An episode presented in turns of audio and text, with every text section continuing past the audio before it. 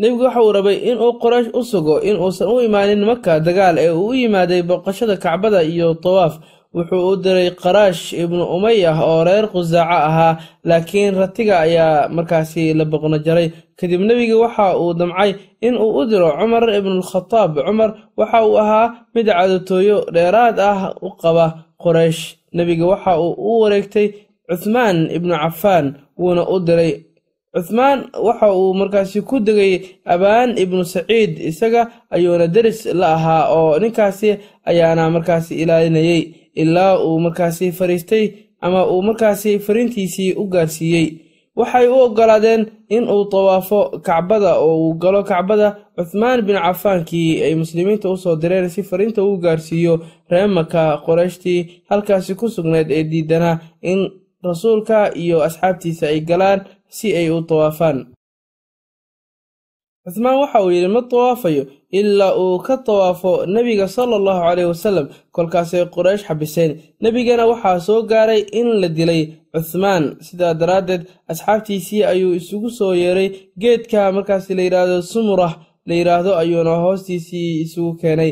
Waxay ku ballameen in ay wada dhintaan. Qofkii ugu horreeyey oo ballanka nebiga la galayna waxa uu ahaa abuu sinaan cabdulaahi ibnu wahb oo reer asad ka tirsanaa dadka oo dhanna waa ay soo baxeen sidaas oo kale ayayna ula ballameen nebiga sala allahu caleyh wasalam wuu ammaanay rasuulka waxa uuna yidhi dhulka dadka ugu khayrka badan ayaa tihiin. Sidoo kale waxa uu yidhi geedka samura hoostiisa cid ballan ku gashay naar ma gelayso nebiga gacantiisa midig ayuu markaasi tilmaamay waxa uuna yidhi tani waa gacanta cuthmaan wuxuuna markaasi ku dhuftay gacantiisii bidix asigoo odhanaya. Tanna waa ballankii cuthmaan sidaa ayuuna cuthmaan ku helay fadligii ballanka. Intaysan arrinta markaasi gaarin dagaal ayuu cuthmaan soo noqday. Allana waxa uu u soo dejiyey laqad radia allaahu cani almu'miniina id yubaayicuunaka taxta ashajara quraysh waxa ay soo dirtay ergo dhowr ah si ay markaasi ula xaajooto rasuulka sala allahu calay wasalam waxaa ka mid ahaa ergadaasi curwah ibnu mascuud oo reer thaqiif ahaa. Inta uusan bilaabin hawshiisa ayuu shuruud markaasi ku xiray wayna aqbaleen. Markuu nebiga uu u yimid nebiga ayaa la hadlay markaasi ka bedel wixii uu midkii kaa horeeyey markaasi nagula hadlay ayuu yidhi curwa ayaa waxa uu ku jawaabay. Xilli uu u jawaabayay nebiga sala allahu caleyh wasalam hadalkiisii waxa uuna yidhi curwa. Isigoo jawaabtii markaasi nebiga uu siinaya raba. Moxamedow ka waran haddaad daba jarto qoomkaaga ma maqashay nin carab ka tirsan oo markaasi u soo baahday qoomkiisa adiga hortaa curwa dhanka kale waxa uu arkay sida ay muslimiinta u weyneynayaan nebigooda sida uu u jecel yihiin ayna markaasi naftooda ugu horayaan. Markuu maka u soo noqday qoraysh ayuu ku yidhi qoomkaygiiow anoo wafdi la socda in badan ayaan boqorro. Markaasi boqorrada booqday kisra khaysar iyo najaashi ma arkin sida ay u weyneynayaan maxamed asxaabtiisa nin loo weyneynayo sidoo kale qoraysh waxa ay soo dirtay xaliis ibnu calqama markii uu arkay nebiga xaliis oo soo socda ayuu yidhi kuwani waa kuwa markaasi kuwa ilaahyada weyneeya ee hadyiga la qalayo sii daaya si uu u arko ninkaasi xaliis la yidhaahdo oo ka mid ahaa dadka allah weyneeya sidoo kale nebigu waxa uu amray muslimiinta inay talbiyeystaan. Markuu xaliis arkay hadyiga uuna maqlay talbiyada muslimiinta. Meeshiisii ayuu markaasi ka noqday. Inta uusan soo gaarin nebiga isagoo weyneynaya waxa uu arkay. Qorayshna waxaa markaasi uu ku yidhi kacbada yaan laga celinin muslimiinta. Waxay ugu jawaabeen in ay ka dalbadeen in uu iska aamuso waxay markaasi ku tuhmeen in uu jaahil yahay. Xaliis ayaa ku diiday ra'yigaasi. Waxa uuna ku yidhi qoraysh alle ayaan ku dhaartay. Waxaan ku heshiinay sidaa ma ahayn. Ma waxaa guriga ilaahay laga celinayaa qof u timid in ay alla weynayso. Allana nafsaddeeda gacantiisa ayay ku jirtaa. Baan ku dhaartaye waad u oggolaanaysaan maxamed. Waxa uu doonayo ama waxa uu yidhi waxaan idinku soo kicinayaa oo idiinsoo adeegsanayaa ciidankii axbaashta oo idil sidaa ayuu yidhi ninka xaliis la yidhaahdo kadib markii uu arkay wixii uu arki rabay xilligii uu yimid halkii ay ku sugnaayeen muslimiinta. Waxay ku jawaabeen gaaladii qureysheed ka joog warka si aan annaga u qaadanno wax nafsadeenna ay raalli ku tahay.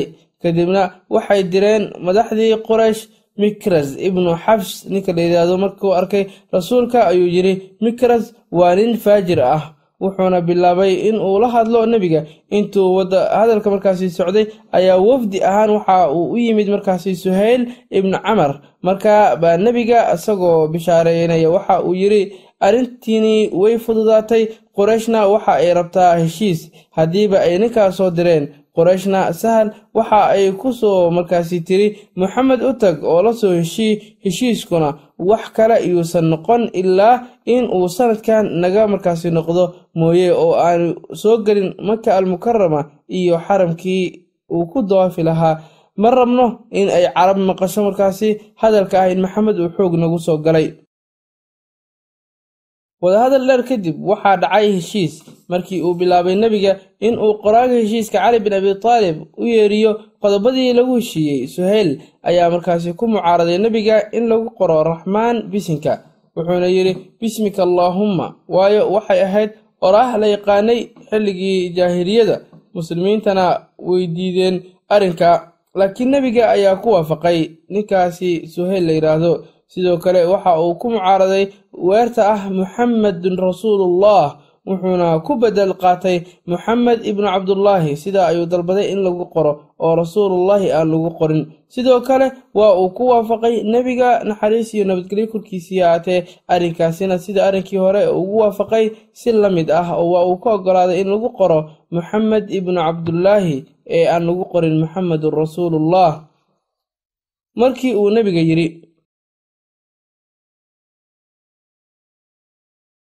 in aad noo oggolaataan inaan kacbada tawaafno oo aan gudanno cibaadadan u imaanay ayuu haddana ku diiday wuxuuna yidhi carab naguma sheekaysanayso. Sanadka soo socda ayaadna markaasi ka dhiganaysaan. Annaga ayaa idinka baxeeno maka adiga iyo asxaabtaada. Saddex maalin ayaad joogaysaan. Idinkoo keliya la soo galaya hub gacmeedka. Sida seefaha oo kale rasuulka sal alla alay wasalam wuu ku waafaqay arrinkaasina shuruuddaasi oo idilna waa uu oggolaaday intaasi kadib ayuu suhayl yidhi iyo weliba in aad noo soo celiso nin kasta oo kuu yimaado oo annaga naga tirsan xitaa haddii doono ha ahaado mid soo islaamay wuu ku waafaqay nebiga shardigaasina. Iyagoo muslimiintu ay aad ula yaaban yihiin ayaa markaasi la ansixiyey oo laysku waafaqay dhammaan shuruudihii oo toban sano in markaasi la dagaalamin ahayd. Dadkuna ay badbaadaan intii lagu guda jiro sannadahaasi in aysan dhicin xatooyo khiyaano cidii doonta in ay la gasho nebiga heshiis ay la geli karto khusaaco ayaa waxa ay dhaheen annaga waxaan heshiis kula jirnaa moxamed banu bakarna waxa ay yidhaahdeen waxaan heshiis kula jirnaa quraysh asxaabta qayb badan oo ka mid ah ayaa ka xumaaday heshiiskaasi. Waxaana ka mid ahaa raggii ka xumaaday cumar ibnulkhataab oo ku yidhi nebiga sala allahu caleyhi wasalam soo ma ahid nebigii alle ee dhabta ahaa nebiga ayaa ku jawaabay haa waxa uu yidhi soo xaq kuma sugnid annagana cadowgeena baatil soo kuma sugna. Nebiga ayaa markaasi ku jawaabay haa haddaba maxaa u liidaysaa? buu yidhi ama aad u liideynaa diinteenna? Nebiga ayaa ku jawaabay aniga waxaan ahay rasuulkii alleh sala allahu caleyhi wasalam kumana caasinayo allah subxaanahu wa tacaala isaga ayaana ii gargaaraya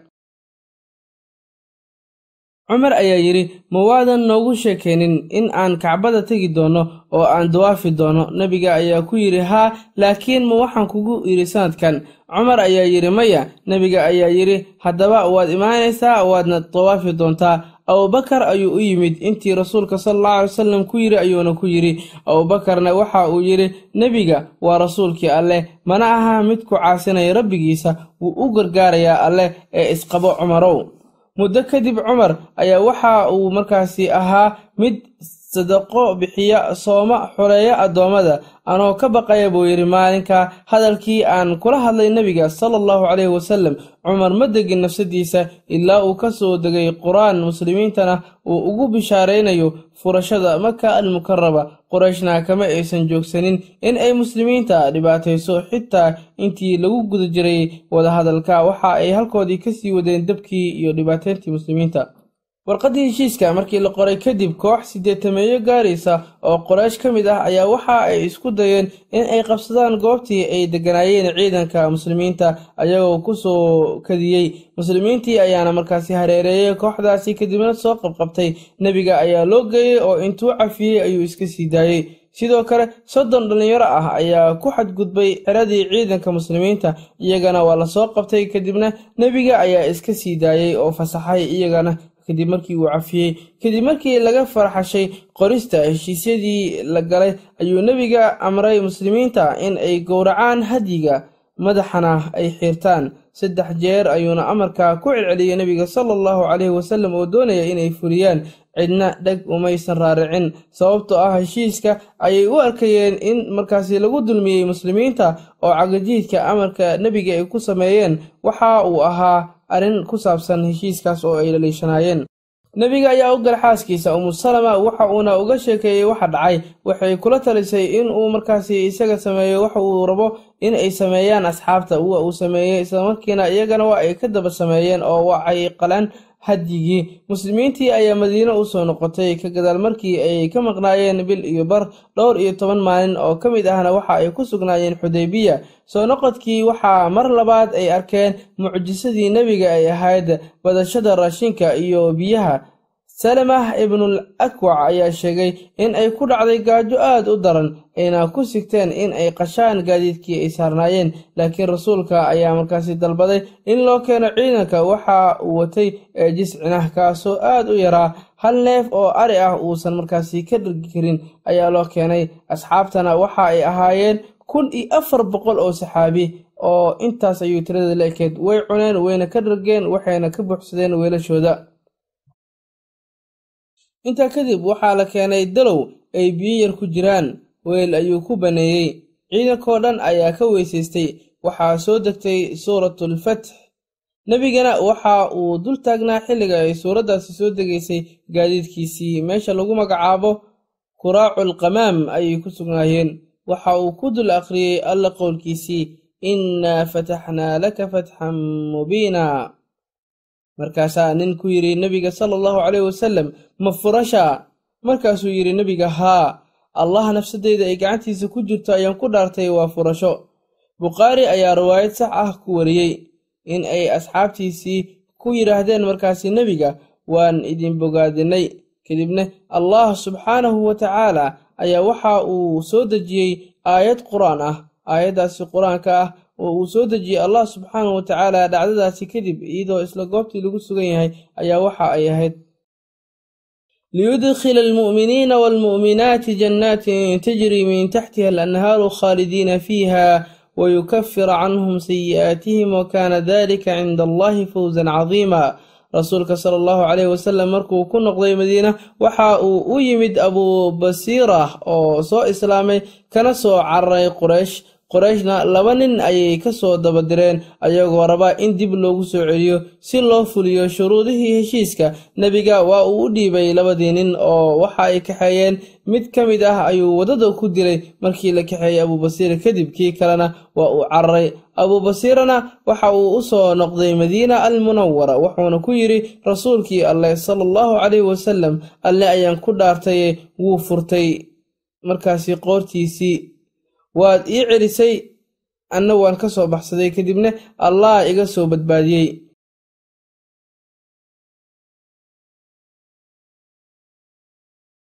Nebiga ayaa yidhi hooyadaa gablantaye ma waxaad doonaysaa in aad dagaal huriso?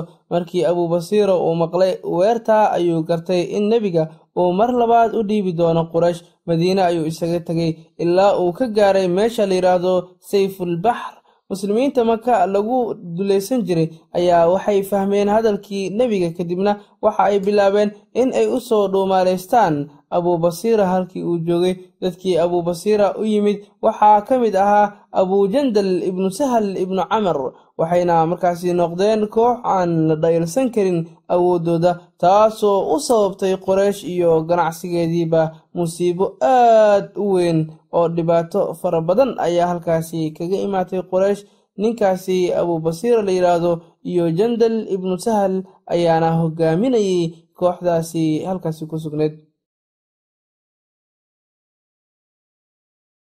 safaradii ganacsi ee quraysh ayaa halis gashay. Dil hantida oo laga qaato abubasiira iyo abujandal ayaa sameeyey arrinkaasi. Weerar ayay ku qaadi jireen taasoo argagax markaasi gelisay quraysh. Waddadii shaam lagu aadi jirayna way go'day. Markaasay quraysh nebiga u soo qortay warqad ay gargaar ku weydiisanayso kagana markaasi tanaasulayso qodobkii ahaa qofkii quraysh ka soo islaama in loo celiyo. Markaasuu nebiga asxaabtiisii duurka markaasi ku jiray fariin u diray waxa ay joogeen xilligaasi meesha la yidhaahdo ciis. Way soo baxeen waxayna nebiga ugu yimaadeen madiina. Xabad joojintii xudaybiya ayaa socotay ilaa toddobiiyo toban ilaa siddeed iyo toban bilood ka hor inta ay jabeen quraysh taasoo uu markaasi kaalmaysay qabiilkii iyada bahwadaagga la ahayd ee banubakar la odhan jiray iyagoo dhinac ka maray qabiilkaasi qusaac ah oo isbahaysi kula jiray muslimiinta. Waxay ka dhacday arrintaa biyaha loo yaqaano watiir taasina waxay sabab u noqotay burburkii xabad joojinta xudaybiya heshiiska xudaybiya muslimiinta iyo mushrikiintaba waxaa u suura gashay in ay isdhexgalaan mushrikiinta ay arkaan islaamka wanaaggiisa iyo waxa uu markaasi ka samaysan yahay nafsad ahaan dadkii qaatay islaamka. Sidoo kalena uu caqliyadoodii u nadiifiyey iyo quluubtoodaba. Hal sano kadib heshiiska waxaa islaamka qaatay in ka badan intii islaamka soo gashay shan iyo tobankii sano ee ka horreysay.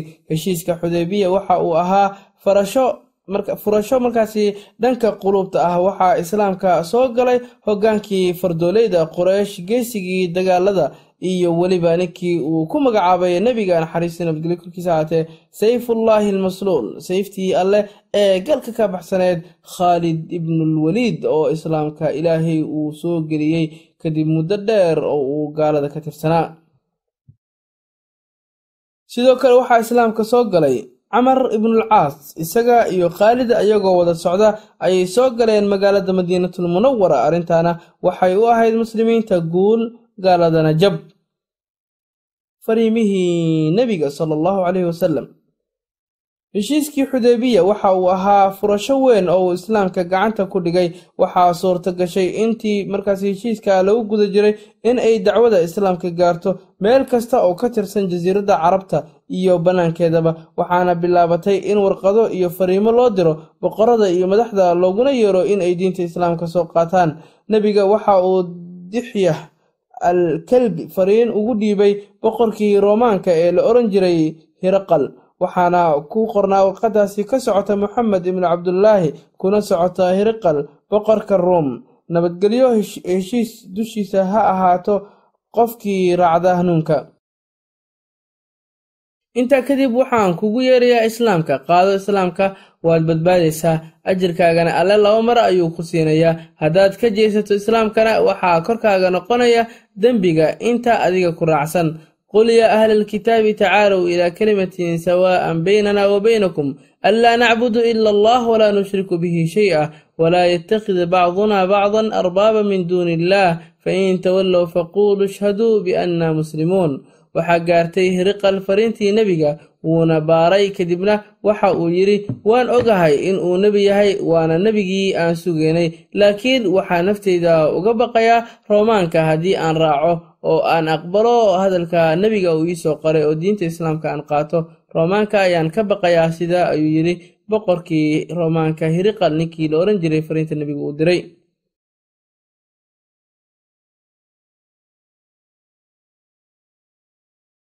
kitaabka la dhaho kaamil ee taariikhda waxaa ku yaalla xadiiskii dheeraah ee ku dhex maray abu sufyaan iyo hiriqal shaam.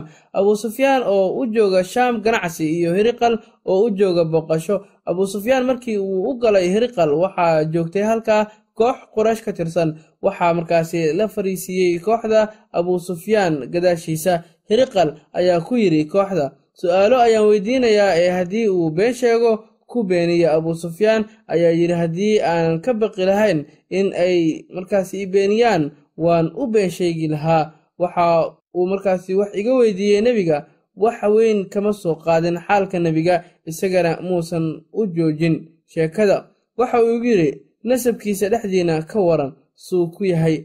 Markaasaan ku idhi buu yidhi waa iska dhexdhexaad xagga nasabka waxa uu sidoo kale igu yidhi horay ma u dhacday in uu sheegay arrintaani? Oo kale qof nasabkiisa ka mid a maya ayaana ku idhi wuxuu ugu yidhi ma jirtaa boqortooyo aad ka xoogteen.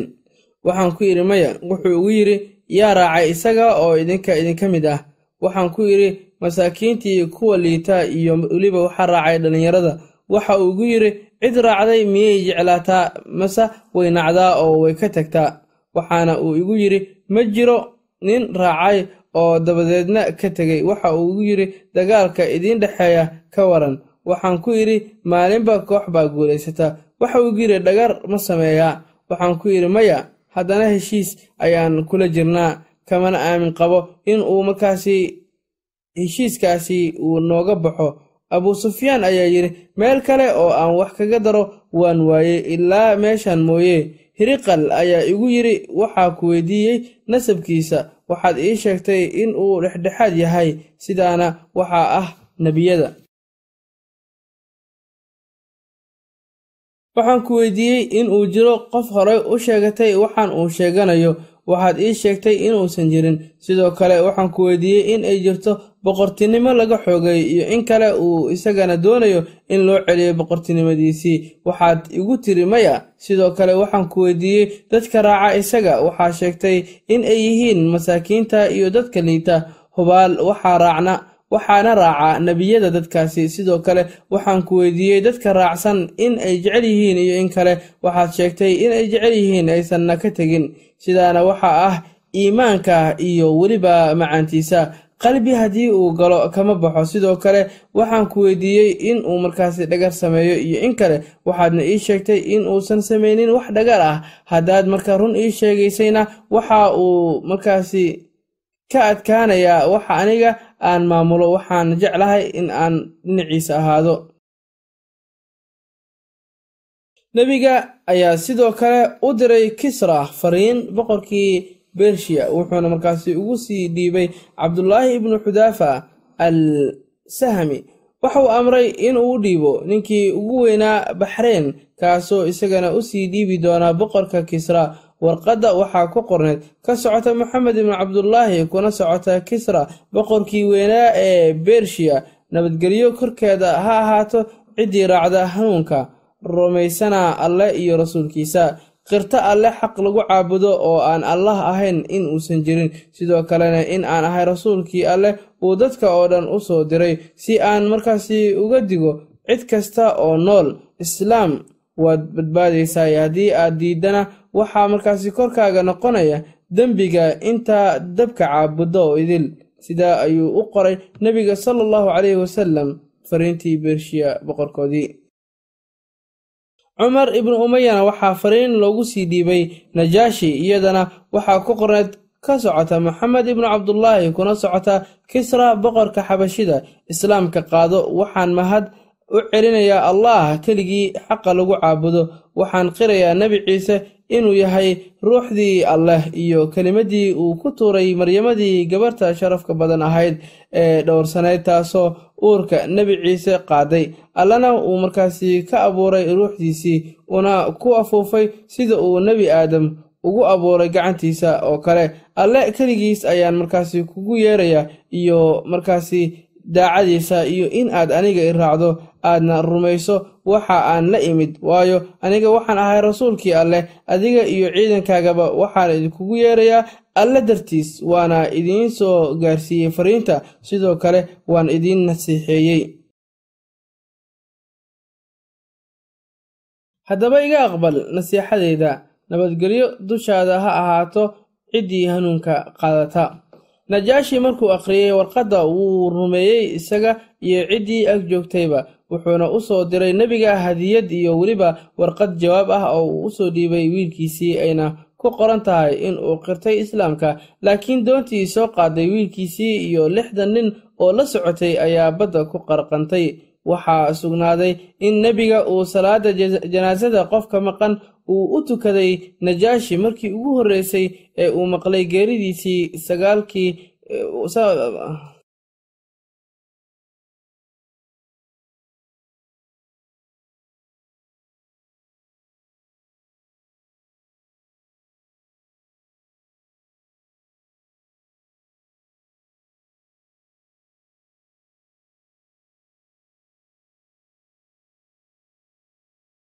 waxaa ku qornaa ka socota maxamed ibnu cabdulaahi kuna socota kisra boqorkii maqawqis boqorka khibtiyiinta.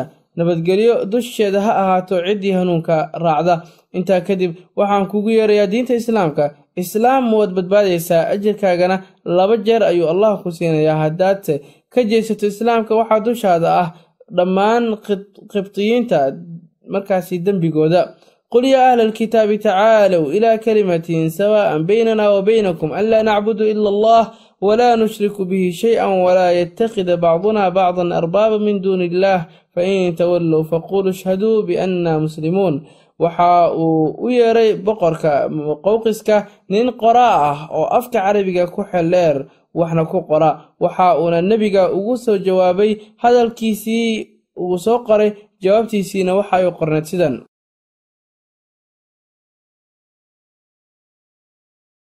waan akhriyey fariintaada waana fahmay waxa aad sheegtay iyo waxa aad iigu yeertay waxaana ogaa inuu hal nebi haray waxaana u malaynayay inuu ka soo bixi doono shaam. Waan karaameeyey dadkii aad ii soo dirtay waxaana kuu soo dhiibay laba gabdhood oo sharaf ku dhex leh qibdiyiinta dhexdooda iyo sidoo kale dhar. Waxaan sidoo kale kuu soo dhiibay baqal si aad gaadiid uga dhigato. Nabadgelyo. Xaatib masar ayuu joogay shan maalin kadibna madiine ayuu u soo noqday. Nebiga waxa uu u keenay hadiyadihii loo soo dhiibay iyo jawaab wuxuuna u sheegay sheekadii dhex martay isaga iyo boqorka. Nebiga ayaa yidhi wuxuu u maleeyey in ay boqortooyadiisii sii jiri doonto mana sii jirayso. Wuuna guursaday nebiga maariyatul qibtiya oo ka mid ahayd hadiyadihii nebiga loo soo dhiibay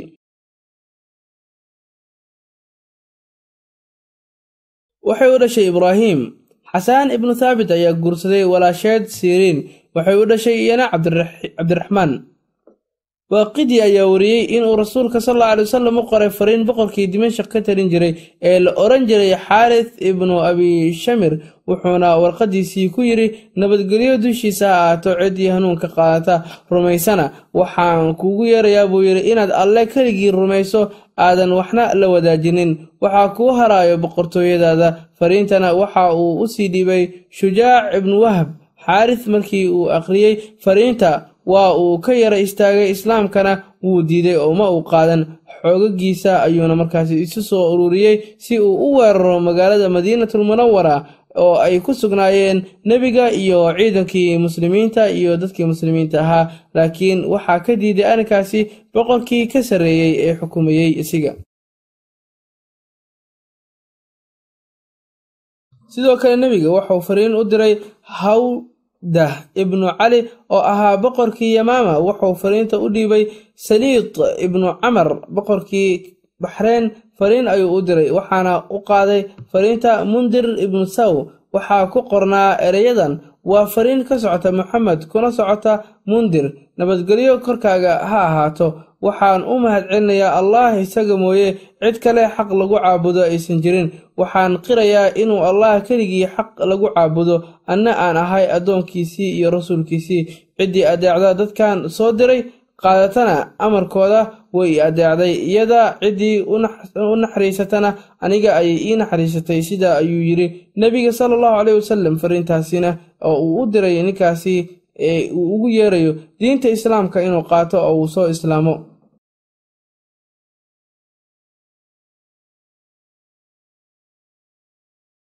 dadka aan kuu soo diro way ku ammaaneen waana kaaga shafaaco qaaday qoomkaaga muslimiinta uga tag sida ay yihiin haddii aad markaasi hagaagto kaama casileyno booskaaga.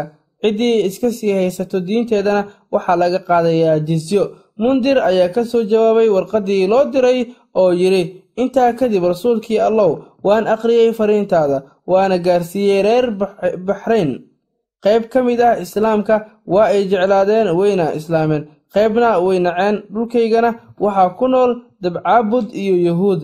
Wuu aqbalay mundir dacwadii nebiga sala allahu caleyh wasalam waxaana la islaamay dhammaan carabtii ku sugnayd dhulka baxreen ee degganayd halka oo uu madaxda u ahaa mundir oo islaamka qaatay asiga iyo kooxdii carbeed ee halkaasi ay isla joogeen fariintii nebigana sidaa ayay ku gaartay oo waxa ay noqotay mid sidii loogu talagalay u fushay. Laakiin yuhuudda nasaarada iyo dabcaabudka waxa ay oggolaadeen in ay dhiibaan jisyada nebiga waxa uu u diray camar ibnulcaas oo uu u dhiibay warqad ku socota jifer iyo cabdiniil jalandal ninka la yidhaahdo oo ku sugnaa cummaan waxaana ku qornaa warqadda ka socota nebi moxamed kuna socota addoommada alleh. Haddii ay rumeeyaan salaadana ogaan sakadana bixiyaan alle iyo rasuulkiisana adeecaan nebiga xaqiisana ay bixiyaan gowraca muslimiintana ay gowracaan way badbaadayaan dadkaad madaxda u tahay. Waxaana ku waajibaya waxaa ku waajiba dhammaan muslimiinta.